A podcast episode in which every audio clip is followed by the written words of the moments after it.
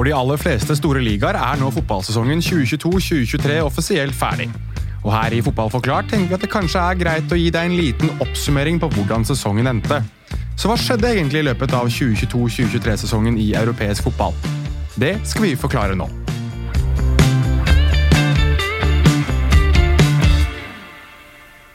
Denne lille europaturneen skal ta oss gjennom de fem store ligaene og gi deg litt oversikt over vinnere, tapere, opprykk og nedrykk, og skal generelt gjøre at du nå føler at du har kontroll på det som foregikk i løpet av den foregående fotballsesongen. Og Vi kan like gjerne starte i den ligaen der vi måtte vente helt til siste serierunde før alt ble avgjort. Tyskland.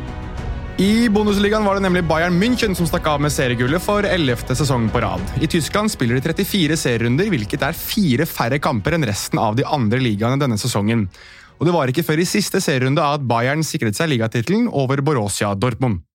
Jamal Musialas skåring i det 89. minutt mot Köln avgjorde tittelen i favør Bayern, hvilket også gjorde at Bundesligaen var den som ble avgjort senest denne sesongen. Bayern og Dortmund endte begge på 71 poeng, men med en målforskjell som var 15 mål bedre, så stakk Bayern av med tittelen. Mange vil nok hevde at Bayern hadde sin dose flaks, eller Bayern-dosel, som vi snakket om i sist episode av Fotball forklart. Men faktisk så ledet Bayern Bundesligaen i hele 23 av 34 serierunder. Dortmund på sin side ledet ligaen i kun tre serierunder, og for første gang etter serierunde 25. Den klubben som ledet Bundesligaen etter flest serierunder etter Bayerns 23, åpenbart, var overraskelseslaget Union Berlin. De ledet serien i hele syv serierunder, og mye kan tyde på at de hadde en ganske ekstrem start, for etter å ha mistet tabelltoppen etter serierunde 13 så ledet de aldri Bundesligaen igjen. Det siste laget som hadde tabelltoppen i Bundesligaen, var Freiburg, som holdt toppen i én serierunde. Men dessverre for Freiburg så holdt ikke det engang til plass i Champions League. De endte nemlig på femteplass, mens RB Leipzig, som også vant den tyske cupen etter å ha slått Eintracht Frankfurt i finalen, snek seg opp på fjerdeplass. Dermed er det Bayern, Dortmund, RB Leipzig og sensasjonen Union Berlin som skal ut i Champions League. Tradisjonsklubben Hertha Berlin endte på jumboplass og rykker ned. Det samme gjør den tidligere stormakten Schalke 04, som var nyopprykket. Stuttgart forsvarte sin plass etter å ha slått Hamburg i playoff og bli værende i Bundesligaen. Lagene som rykker opp fra andre Bundesliga, er Darmstadt og Heidenheim, som aldri tidligere har spilt på øverste nivå av tysk fotball. Toppskårertittelen i Tyskland ble delt mellom Werder Bremen-spiss Niklas Fullkrug og RB Leipzig-angriper Christoffer Nkunku, som begge endte på 16 mål hver. Hva angår gule kort, så var Augsburg råtassende og endte på totalt 92 gule kort, 12 flere enn Hertha Berlin på andreplass, men likevel var det Bayer Leverkosen som fikk flest spillere utvist med hele fire røde, og tre av disse ble gitt til Piero Incapié. I Frankrike er det nok mange som vil si at det var business as usual i Ligue 1, der Paris Saint-Germain stakk av med ligatittelen. Men det var ikke før i nest siste serierunde, altså serierunde 37, at klubben fra hovedstaden kunne juble for ligatittelen. Dette er ligatittel nummer 11 for PSG, som dermed er den klubben med flest ligatitler. De gikk forbi Santet igjen, som fremdeles står på ti. Men hvem pushet PSG til døra? Med 84 poeng, et mindre enn PSG, finner vi Lens. Det var deres høyeste plassering i fransk fotball siden 2001-2002-sesongen. Og sånn, For at du skal forstå hvor lenge siden det egentlig er, altså 2001-2002-sesongen var sist gang ligaen i Frankrike, altså toppdivisjonen, het noe annet enn Ligue 1. Den gangen het det Division Ø. Og den påfølgende sesongen, altså 02-03, så endret de navn til Ligue 1, som er det vi kjenner det som i dag. Men selv om Lens og også Marseille så ut til å skape furore ganske lenge, så ble jo denne sesongen en slags clean sweep for PSG, som ledet etter samtlige 38 serierunder. Så sent som etter serierunde 32 var det åtte poeng som skilte PSG på toppen og Marseille på andreplass. Og det ble med en tredjeplass til slutt på Marseille, som dermed skal ut i Champions League-kvalifisering, mens Rennes får plass i Europa League med sin fjerdeplass. Femteplass for Lille betyr at de skal ut i Conference League-kvalifisering. Hva angår nedrykk, var det hele fire lag som måtte ta turen ned til Ligue 2. Den franske toppdivisjonen minskes nemlig fra 20 lag til 18 lag fra og med neste sesong. Angers med sine 18 poeng var den klubben i samtlige topp fem-ligaer som tok færrest poeng. De rykker ned sammen med Troya, Ajaxio og Auxerre, som med tap i siste serierunde, mens Nantes vant, må ta den sure turen ned til nest øverste nivå. Fire lag går ned, og to lag går opp fra Ligue 2. det er Metz og Le som er tilbake i det gode selskapet for første gang siden 2008-2009-sesongen. Og ikke overraskende så var det PSG-stjernen Kylian Mbappé som ble ligaens toppskårer med hele 29 mål. Bak ham fulgte Lyon-stjernen Alexander Lacassette, som du kanskje husker best fra Arsenal, på 27 nettkjenninger. På kortfronten var Ajaxio helt overlegne hva angår kort. 97 kort totalt, hvor 87 var gule og 10 var røde. Montpellier stoppet på like mange røde, men hele 17 færre gule kort.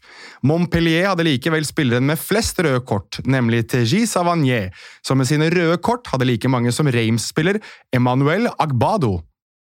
Noe mer oppsiktsvekkende var det vel kanskje egentlig at Toulouse vant den franske cupen, etter at Nance ble beseiret i finalen, og artig nok så endte ingen av disse klubbene på øvre halvdel i Ligue 1. Nance, slik vi var inne på nettopp, overlevde akkurat med sin 16.-plass, mens Toulouse stoppet som nummer 13 av 20. Ligue var også den ligaen med 20 lag der en klubb bekreftet sitt nedrykk først. Etter serierunde 33 var det allerede klart at Angers hadde rykket ned. Det er for øvrig samme runde der det ble bekreftet at Elche hadde rykket ned fra La Liga. I Spania var det dog kun tre lag som rykket ned, da de ikke skal minske noen liga. Og Español fulgte taktfast ned med Elche, mens Valladolid trakk det korteste strået på sesongens siste dag, som gjør at de følger ned til Segunda Divisjon sesongen 2023-2024. De erstattes av Granada og Las Palmas, som gjør at det er mulig å kombinere Granca og toppdivisjonsfotball neste sesong mens Alaves snek seg til den siste opprykksplassen etter en høydramatisk opprykksfinale mot Levante. Barcelona hadde rustet opp godt før sesongen og sikret seg seriegullet for første gang siden 2018-2019-sesongen. Og det må vel kanskje sies å ha vært rimelig fortjent med tanke på at Chavis klubb, som i stor grad fokuserte på forsvar, ledet den spanske toppdivisjonen i 28 av 38 serierunder. Da de tok ledelsen etter serierunde 13, mistet de den aldri igjen. Real Madrid leder ligaen i åtte serierunder, mens både Atletico Madrid og Villarreal hadde tabelltoppen én gang hver. Villarreal var det eneste av disse lagene som for øvrig ikke endte på Champions League-plass. Real Madrid, som på et tidspunkt lå hele 14 poeng bak Barcelona, endte på andreplass. De endte til slutt ti poeng bak den suverene serievinneren. Atletico Madrid fulgte taktfast på tredjeplass, mens Real Sociedad og Alexander Sørloth styrte inntil den siste Champions League-plassen for første gang siden 2012-2013-sesongen. Likevel skal fem spanske lag ut i Champions League neste sesong. Mer om det senere. Men uansett, La Ligas toppskårer het Robert Lewandowski denne sesongen, og Barcelona-spilleren fant veien til nettmaskene 23 ganger. Likevel, det er det laveste antallet for en La Liga-toppskårer siden Diego Tristan, som i 2001-2002-sesongen skåret 19 mål for Deportivo la Coronia og ble toppskårer.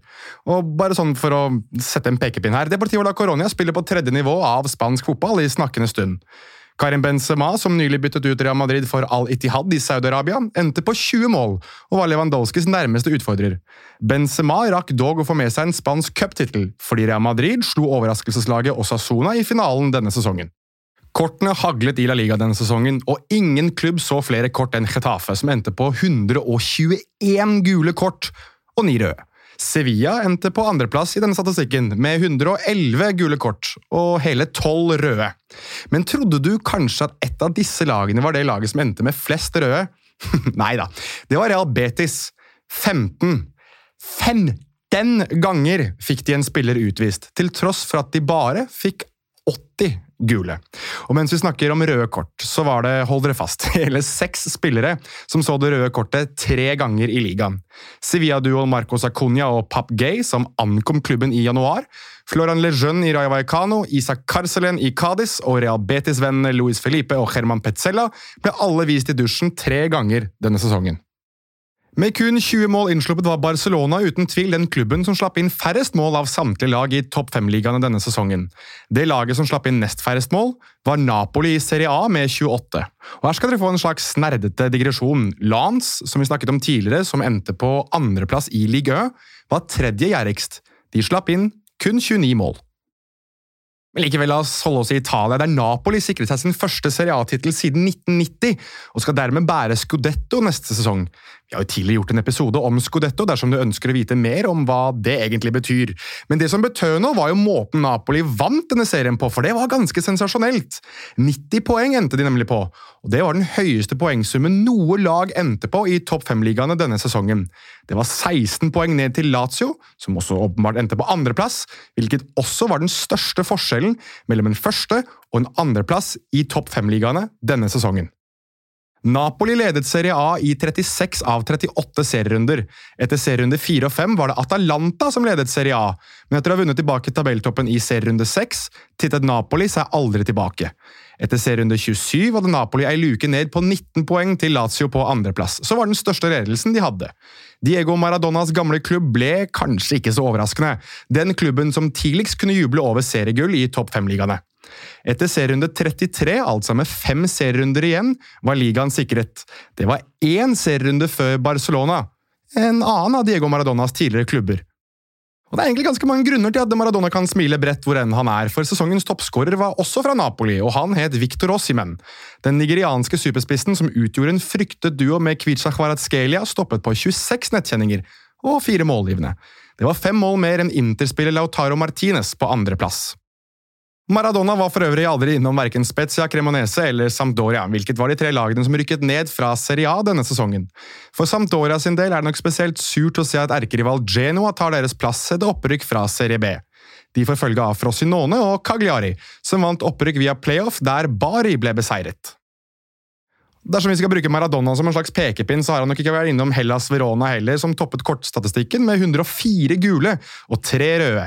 Nøyaktig det samme som Sampdoria. Likevel var ikke de den klubben med flest røde kort. Det var nemlig Empoli som fikk hele syv røde i løpet av sesongen. Og her har du enda en ganske morsom ting, fordi selv om Empoli fikk flest røde kort, så var det ikke de som hadde spilleren med flest røde kort. Det var nemlig Sassuolo som hadde spilleren Roan Tresoldi, som endte med tre røde og dermed hadde flest røde kort i Serie A denne sesongen. Hva er vel en Serie A-sesong uten at Juventus klarer å bli et stort eh, tema? Og vi skal kanskje innom Juventus sin 2022-2023 i en annen episode av Fotball forklart på et eller annet tidspunkt, fordi denne sesongen så ble det jo trukket 15 poeng, de blir gitt 15 poeng tilbake, for så å bli trukket 10 poeng. Disse ti poengene ble helt utslagsgivende for Juventus sin del denne sesongen. De endte nemlig på syvendeplass, hvilket betyr ingen europeisk fotball for Juventus i 2023-2024-sesongen. Hadde de fått disse ti poengene tilbake, så ville det gitt fjerdeplass, som ville betydd Champions League-fotball også neste sesong i Torino. Istedenfor er det Lazio på andre, Inter på tredje og AC Milan på denne fjerdeplassen som booker sine billetter til Champions League neste sesong. Atalanta følger inn til Europaligaplass, og det samme gjør Roma, som ble ett av tre italienske lag til å tape i en europacupfinale. Husker dere nevnte at Spania skal ha fem lag i Champions League neste sesong? Vel, Roma tapte nemlig Europa League-finalen mot Sevilla etter straffesparkkonkurranse. Sevilla, som endte på tolvteplass i La Liga, er dermed kvalifisert for Champions League. Fiorentina var det andre italienske laget som tapte en finale. Westham, som så vidt unngikk nedrykk i Premier League, ble nemlig nummeret for store for Fiorentina i Conference League-finalen. Og sesongens store, store lag finner vi i England. Sportslig er det lite å si på at Manchester City, som kronet sesongen med å vinne Champions League-finalen mot Inter, står igjen som 2022-2023-sesongens store vinner. Pep Guardiolas menn sikret seg nemlig the treble som første engelske lag siden Manchester United i 1998-1999-sesongen ved å vinne Champions League, Premier League og FA-cupen. Og FA-cupen ble for øvrig vunnet ved å slå erkerival Manchester United i finalen. Manchester United på sin side kunne feire ligacup-trofé denne sesongen ved å slå Newcastle i finalen. Men for å ta steget litt ut av Manchester i noen øyeblikk her nå, så var det faktisk Arsenal som leder Premier League i flest runder denne sesongen. Martin Ødegaards lag ledet nemlig ligaen i 27 av 38 serierunder. Manchester City, som kunne feire seriegullet etter serierunde 37, leder ligaen i 10 av 38 serierunder, hvilket forteller hvor ekstremt jevnt det må ha vært mellom disse to lagene. Det siste laget som holdt tabelltopp, var Tottenham. Interessant nok endte Tottenham utenfor europacupspill neste sesong. Sammen med City og Arsenal skal overraskelseslaget Newcastle og Manchester United ut i Champions League. Liverpool og nok en overraskelse Brighton skal til Europaligaen, mens Aston Villa skal forsvare Englands ære i Conference League. Det ble et helt ekstremt rotterace i bunnen av tabellen for øvrig, der Leicester, som vant Premier League i 2016, måtte ta den sure turen ned til championship. Det samme må Leeds og Southampton, som betyr at det er en del tradisjonsklubber som forsvinner. Suverene Burnley blir å finne i Premier League neste sesong etter at de vant championship. De får selskap av Sheffield United og Luton Town, som aldri tidligere har spilt på øverste nivå i Premier League-æraen. Wolves var verstingen i Premier League denne sesongen hva angår kort. De endte på 84 gule, hvilket er like mange som Leeds og Nottingham Forest, men med sine seks utvisninger så toppet Wolves den statistikken ganske så greit. Seks røde var dobbelt så mange som neste lag på den lista, men kun én spiller fikk to røde kort i Premier League denne sesongen. Det var Manchester United-stjernen Casemiro, som ble sendt i dusjen to ganger. Med sine 36 skåringer på 35 kamper i Premier League er Erling Braut Haaland ligaens suverene toppskårer og spilleren med flest skåringer i én og samme Premier League-sesong noensinne. Haaland ble også Premier Leagues toppskårer med tolv mål på elleve kamper, og har dermed vært den turneringens toppskårer i to av de tre siste sesongene. Det skal godt gjøres å toppe sesongen 2022-2023 i fotball-Europa, men uansett, her har dere hatt en liten gjennomgang av de viktigste bitene av sesongen vi nå legger bak oss. Dermed setter vi strek for 2022-2023 og ønsker 2023-2024 velkommen med all sin galskap, glede, sorg og dramatikk. Det var det for Fotball forklart for denne gang. Husk at vi er på sosiale medier. Både på Instagram og Twitter er vi at fotballforklart. Kilder brukt i denne episoden var NIFS, Bundesliga.com, Who Scored, BBC, Liga.com, France24, Get Football News France, Get Football News Italy, FootballEspania.net, The Athletic, The Guardian, PremierLeague.com, StatBunker, ESPN, Footmob, LaLiga.com og Transfermarkt. Takk for at du lyttet.